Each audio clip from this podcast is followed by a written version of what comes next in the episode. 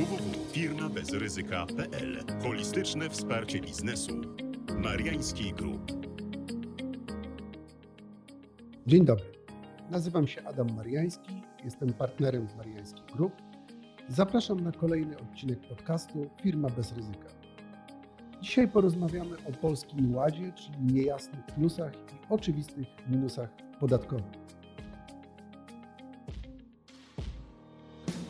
Moim gościem jest pani mecenas Monika Błońska, dyrektor Departamentu Doradztwa Prawnego naszej kancelarii i partner tejże samej kancelarii. Dzień dobry. Dzień dobry. Jak już wiemy, 15 maja Zjednoczona Prawica ogłosiła program nazwany Polskim Ładem. Oczywiście znamy tylko założenia tego programu i o nich dzisiaj będziemy chcieli porozmawiać. Większość tych zmian e, skupia się na kwestiach podatkowych. I o nich będziemy dzisiaj właśnie dyskutować, czy będą miały one istotne znaczenie, zwłaszcza dla przedsiębiorców w kolejnych latach podatkowych. Najpierw zastanówmy się jednak, jaki jest harmonogram wprowadzania zmian wynikających z tego właśnie programu. Według zapowiedzi projekty ustaw powinny się pojawić już względnie niedługo, bo tak naprawdę w czerwcu bieżącego roku. Wydaje nam się jednak, iż zakładając że na dzień dzisiejszy nie mamy takich wiadomości, możemy jeszcze chwilę poczekać. Plan był taki, żeby właśnie projekty ustaw były już w czerwcu. Konsultacje przeprowadzone bardzo szybko, bo lipiec, sierpień. Pamiętajmy, że są to wakacje, więc tak naprawdę ten czas będzie jeszcze krótszy. Planowane prace nad ustawami w Sejmie i w Senacie to jest jesień bieżącego roku, czyli wrzesień i październik. Mm, w takim trybie, żeby podpis prezydenta został złożony pod odpowiednimi ustawami do końca listopada 2021 roku. Taki harmonogram sprawia, iż zmiany weszłyby w życie już w styczniu 2022 roku.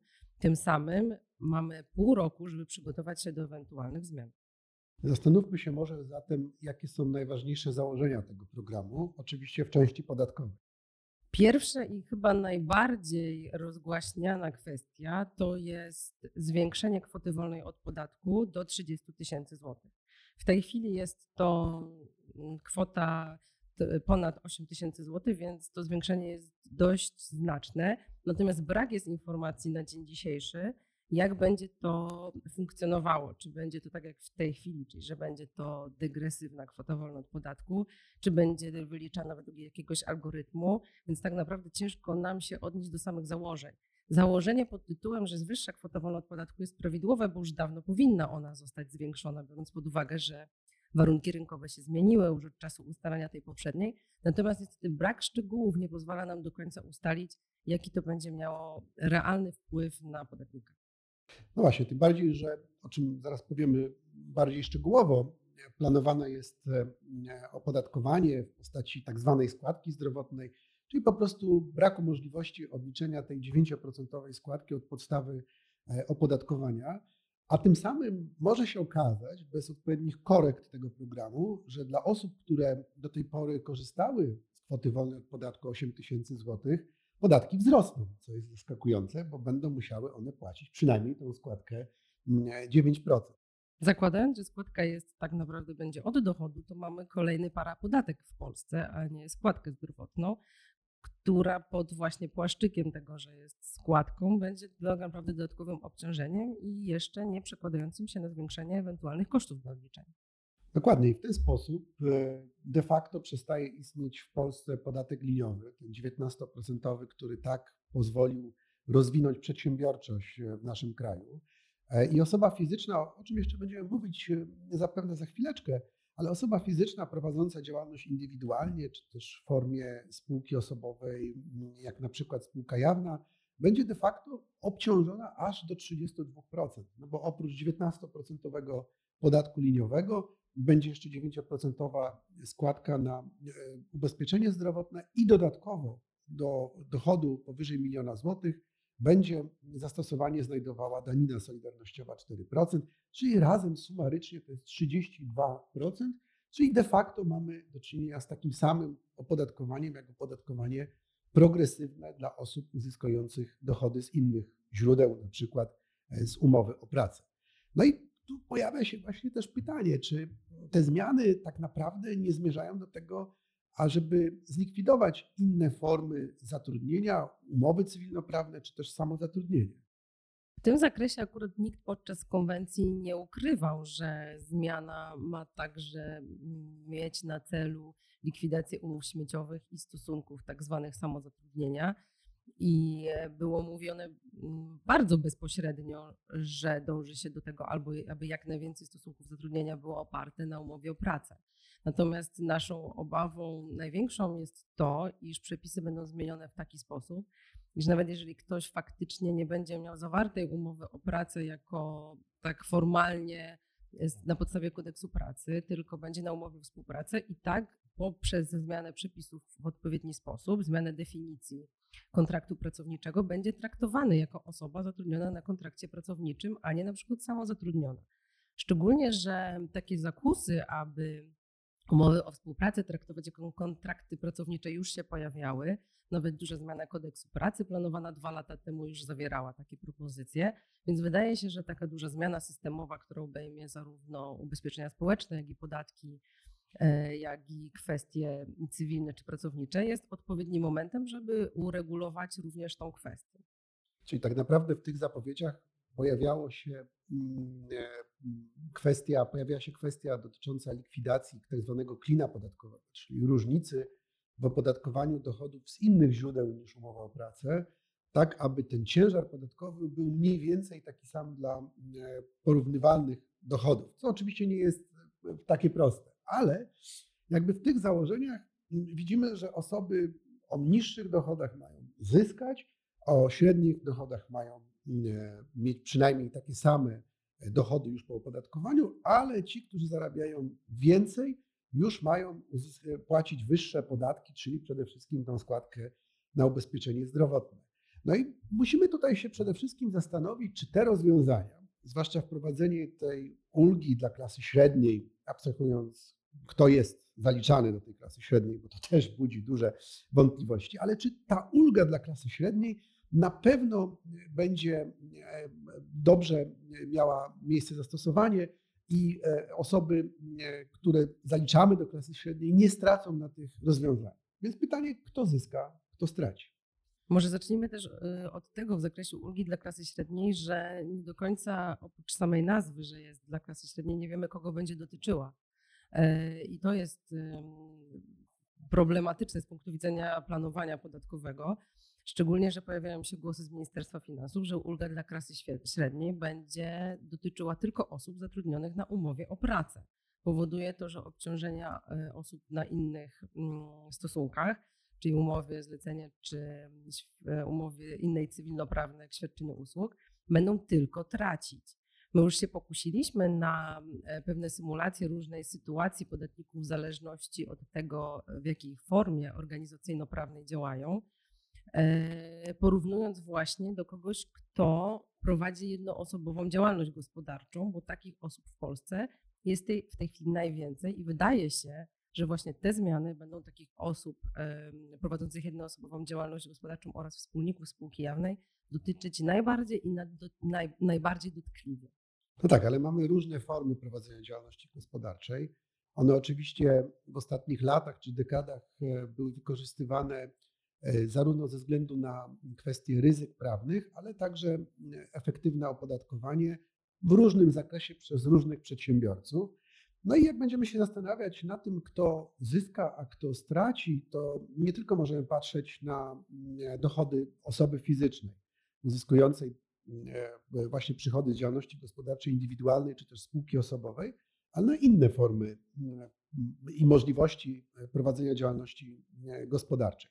Przede wszystkim myślę tutaj zarówno o spółkach e, kapitałowych, jak spółkach z ograniczoną odpowiedzialnością, także dwóch e, rodzajach spółek osobowych, czyli komandytowo-akcyjnej, komandytowej, ale także możliwości opodatkowania ryczałtowego, czyli podatku e, od przychodów ewidencjonowanych, którym oczywiście nie uwzględniamy kosztów podatkowych, ale stawki mogą być na tyle atrakcyjne, że jednak także będą skutkowały niższym opodatkowaniem niż w przypadku działalności osoby fizycznej.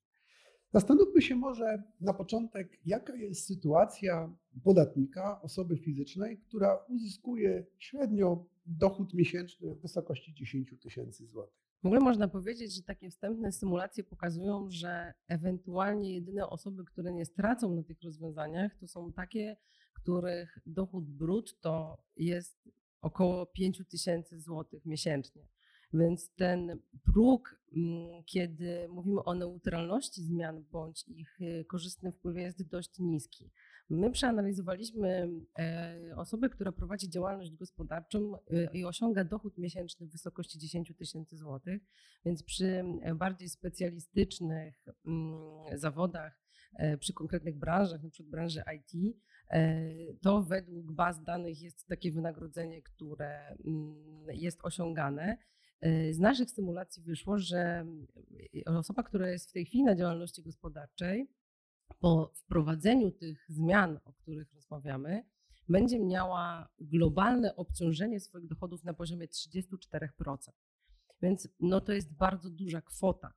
E, dzisiaj jest to zdecydowanie niżej. Jeżeli taką osobę byśmy przekształcili w spółkę ZO, bądź byśmy w ogóle założyli nową spółkę ZO, w zależności od tego, jak mm, sytuacja by wyglądała, automatycznie te obciążenia zmniejszają się nam do 26% z niewielkim kawałkiem.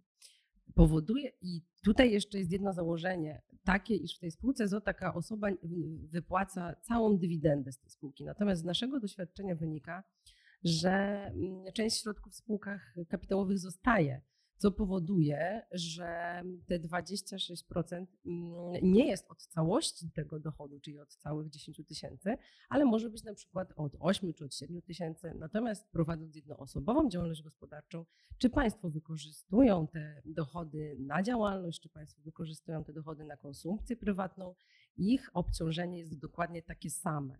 Także należy zastanowić się, jak będzie wyglądała sytuacja dla osób o wyższych dochodach, no bo osoby fizyczne zarówno prowadzą indywidualną działalność gospodarczą, w której osiągają wyższe dochody, jak i są wspólnikami spółek y, osobowych, np. spółki jawnej czy partnerskiej, gdzie te dochody mogą być mm, znacznie większe, zwłaszcza po połączeniu ich z różnych form działalności gospodarczej. Jeżeli na przykład y, przyjmiemy sobie dochód osoby fizycznej roczny w wysokości 4 milionów złotych, to po wprowadzeniu tych zmian opodatkowanie tego dochodu dla indywidualnej działalności gospodarczej osoby fizycznej bądź ze spółek osobowych wyniesie około 31%. Mówimy tutaj zarówno mm, o podatku 19% składce na ubezpieczenie zdrowotne, ZUS-ie oraz daninie solidarnościowej.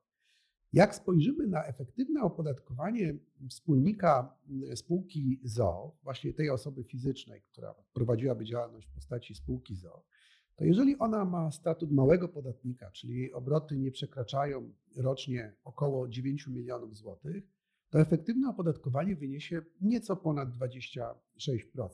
Ale tak jak właśnie powiedziała też przed chwilą pani mecenas, pod warunkiem, że cały zysk jest wypłacany.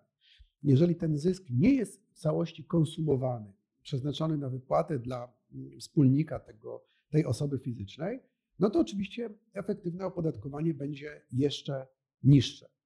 Oczywiście w każdym z tych wariantów mm, widzimy, że mamy wyższe opodatkowanie niż do tej pory osób fizycznych. No bo tak naprawdę mm, w obecnym stanie prawnym jest to zwykle podatek liniowy 19%, a dla dochodów powyżej 1 miliona złotych mamy daninę solidarnościową, e, czyli 23%. E, Dlatego też należy zastanowić się, mm, czy nie należy planować e, innych form prowadzenia działalności gospodarczej po wprowadzeniu tych zmian, zarówno dla małych podatników czy mikroprzedsiębiorców, jak i również dla e, dużych podatników podatku dochodowego. Tak naprawdę można wysnuć taki ogólny wniosek, że jeżeli te zmiany wejdą w takim kształcie, to jednoosobowa działalność gospodarcza będzie najmniej opłacaną formą, w której mogłaby być ona prowadzona, więc tak naprawdę każdy, kto dzisiaj prowadzi ją w takiej formie bądź formie spółki osobowej, to już jest ten moment, że powinna się zastanowić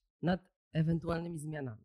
No rzecz jasna, tutaj powiedzieliśmy trochę o przedsiębiorcach, ale tak naprawdę zmiany te będą dotyczyły e, osób, które uzyskują dochody z umowy o pracę czy z innych podobnych e, umów, czyli działalności wykonywanej osobiście.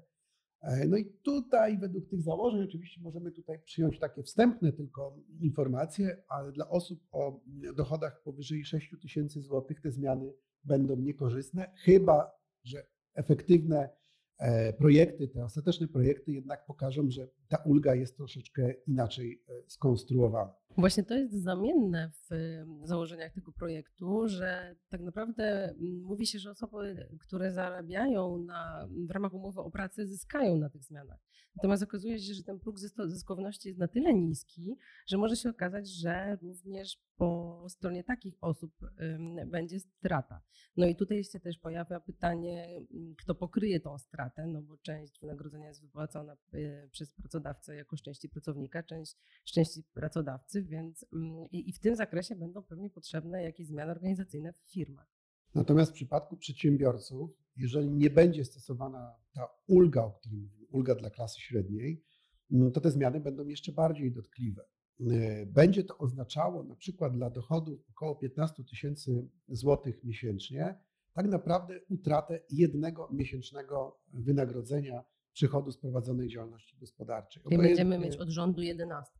Tak, będziemy mieć 11, a nie 12. Niektórzy dostają 13, 14 albo więcej, albo barburki.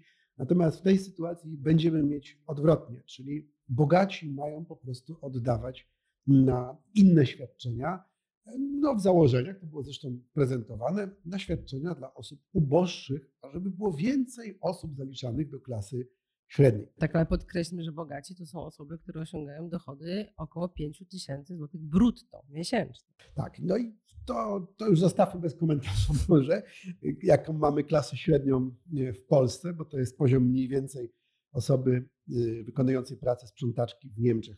To jest właśnie klasa E, e, średnia w Polsce w rozumieniu podatkowym. No ale widzimy już, że te zmiany mają doprowadzić do opodatkowania osób o tych e, dochodach powyżej pewnego progu. Specjalnie nie mówię o wyższych dochodach, bo to by było nieprawdziwe. Natomiast de facto będzie prowadziło to jeszcze do mm, powiększenia niesprawiedliwości systemu opodatkowania dochodów osób fizycznych, bo w zależności od formy prowadzonej działalności gospodarczej, albo rodzaju tej działalności gospodarczej, bądź też wyboru opodatkowania, bo można wybrać zryczałtowany podatek od przychodów ewidencjonowanych, stawka podatku e, będzie bardzo różna, czyli to efektywne opodatkowanie będzie się znacząco różniło. Jeżeli spojrzymy sobie na przykład na najemcę, bo to o tym nie mówimy, przepisy nie, uleg nie ulegną prawdopodobnie zmianie, ale najemcę, nie najemcę, tylko wynajmującego, przepraszam, który udostępnia swoje nieruchomości na różne potrzeby, czy to działalności gospodarczej, czy to mieszkania, to tak naprawdę mm, powyżej 100 tysięcy złotych mamy e, e, próg, e, ten próg 100 tysięcy złotych przychodu, mamy opodatkowanie 12,5%.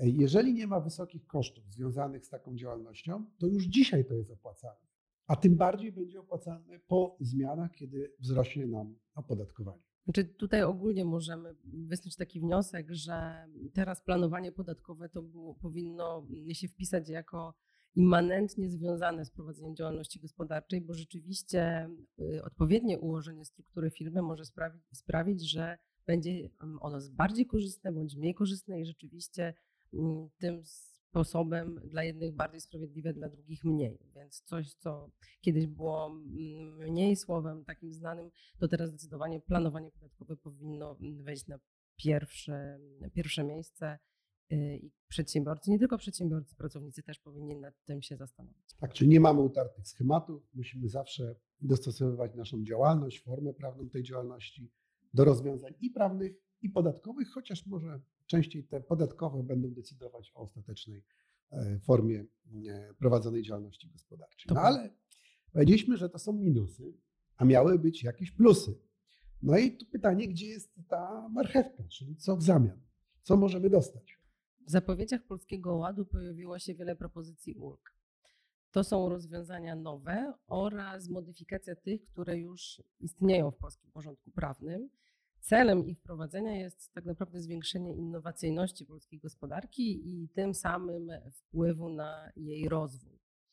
Mm, może omówmy sobie, chociaż tak pokrótce, bo to oczywiście są założenia mm, w zakresie większości tych propozycji, o jakich ulgach możemy w ogóle myśleć w zakresie Polskiego Ładu.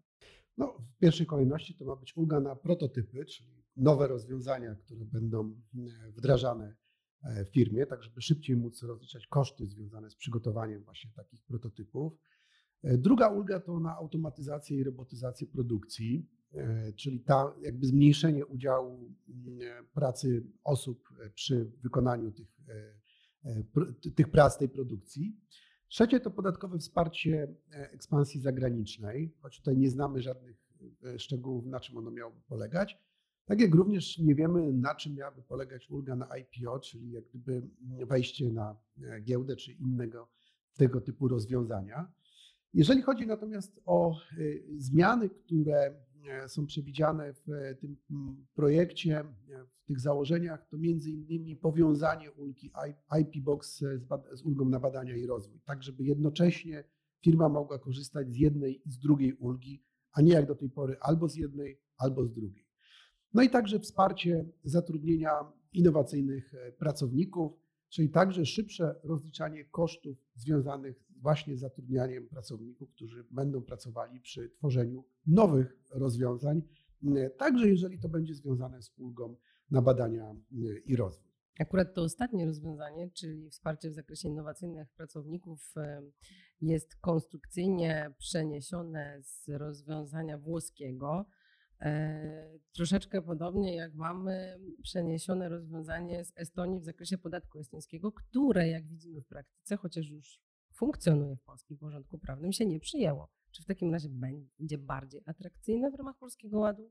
No właśnie, no ten estoński CIT, a właściwie polska wersja estońskiego CIT-u jest e, mało popularna, bo zamiast e, kilkudziesięciu tysięcy firm, które miały z tego rozwiązania skorzystać, zaledwie 370 firm e, no, spróbowało, było tymi ryzykantami, którzy zobaczą, czy rzeczywiście to rozwiązanie jest możliwe do wdrożenia i nie, nie będzie się wiązało z jakimiś sankcjami w przypadku nieprawidłowego zastosowania e, tych rozwiązań e, prawnych. Oczywiście zgodnie z zapowiedziami ma być ten e, system dostępny dla większej ilości firm, ale także, jak się wydaje, będą rozróżnione wymogi co do stosowania tych rozwiązań. Może w końcu podatek estoński będzie bliższy swojej nazwy, bo w tej chwili była polska wersja podatku estońskiego, bo estoński rzeczywiście jest korzystny. No pytanie, czy w ramach Polskiego Ładu będzie to estoński CIT, czy dalej polska wersja estońskiego CIT-u. No, ale to zobaczymy w praniu, czyli wtedy, kiedy te projekty się e, pojawią. Oczywiście e, Także zmiany w zakresie e, VAT-u, na przykład wewnątrz grup kapitałowych, będą miały jakieś znaczenie dla gospodarki, ale nie można powiedzieć, że one E, są jakby ułatwieniem w zamian za podwyższenie podatków, o których mówiliśmy wcześniej. I też pamiętajmy, że każdy kij ma dwa końce i za, w ramach zmian w zakresie VAT-u ma być solidarna odpowiedzialność spółek w, gru, w ramach grupy kapitałowej. Więc tak naprawdę może się okazać, że może być to mniej korzystne. No tym bardziej, że prowadzenie grup kapitałowych czy podatkowych grup kapitałowych od wielu lat budziło szereg wątpliwości i nie mieliśmy takich grup wiele w Polsce. No może te nowe rozwiązania także w zakresie VAT-u zachęcą do jednak tworzenia takich podatkowych grup kapitałowych. Także mamy mieć ułatwienia związane z inwestycjami. E, mają one polegać na e, przygotowaniu e, pewnego kompleksowego dokumentu, który będzie wiązał, wiązał administrację podatkową i będzie wspierał potencjalnych inwestorów i gwarantował im wysokość opodatkowania w pierwszych latach inwestycji, czyli jakby ma zapewnić większą pewność mm, prowadzonej działalności gospodarczej przez inwestorów. Aczkolwiek to jest propozycja tylko dla tych dużych przedsiębiorców, więc też pewna niesprawiedliwość. No właśnie, to polski ład, ale nie ma mowy o polskich firmach, które chciałyby inwestować i też mieć zapewnioną gwarancję odpowiedniego, efektywnego opodatkowania, bo podatników nie tyle drażni samo wysokość opodatkowania, czyli rośnie tak skokowo, jak e, ma to mieć miejsce zgodnie z zapowiedziami e, Polskiego Ładu, no to to już jest problematyczne, ale najbardziej drażni ich to, że te przepisy są często zmieniane i nie mogą swojego biznesu odpowiednio zaplanować, przygotować z wyprzedzeniem. No i znowuż dla zagranicznych osób także przewiduje się kolejne rozwiązania. Nawet można powiedzieć o dwóch. Pierwsze to jest ryczałt od przychodów zagranicznych i to ma dotyczyć osób, które wrócą mm, do Polski. E, ma dotyczyć osób zamożnych, nierezydentów. e, którzy będą przynosić swoją rezydencję podatkową do Polski, bo w tej chwili mieliśmy bardziej taką tendencję, że to polscy rezydenci mm, przenosili się za granicę. I w takim wypadku dla takich osób e, byłaby stała ryczałtowa e, kwota od dochodów osiąganych za granicą. Podobne rozwiązania są chyba we Włoszech, jeżeli dobrze kojarzę. Natomiast też nie mamy tutaj jeszcze przepisów, a takich e, rozwiązań nie było w Polsce. No i druga ulga to jest już ulga bardziej dla Polaków, ulga na powrót, czyli dla tych, którzy opuścili Polskę ze względów zarobkowych i emigracja zarobkowa mm, miałaby wrócić e, teraz z powrotem do naszego kraju właśnie dzięki deklaracjom w Nowym Ładzie co do tego, że e, będzie to opodatkowanie dla nich bardziej korzystne niż dla osób pracujących w Polsce. Więc pytanie, dlaczego znowu ma być niesprawiedliwość w stosunku do tych, którzy są za granicą, a w stosunku do tych, którzy są w Polsce? Zasadą równości wobec prawa mamy także do czynienia wobec ostatniego projektu, który wprost w Polskim Ładzie nie został wymieniony, ale ma w najbliższym czasie ujrzeć światło dzienne, czyli ulga abolicyjna.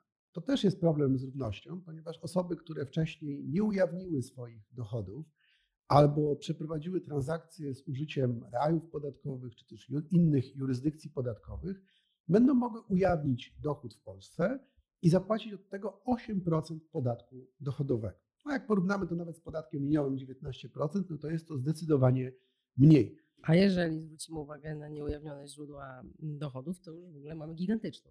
No tak, bo tam jest 75%, więc to może być zachęta zarówno dla tych, którzy w Polsce nie ujawnili swoich dochodów, jak i z użyciem zagranicznych jurysdykcji podatkowych, zagranicznych jednostek kontrolowanych.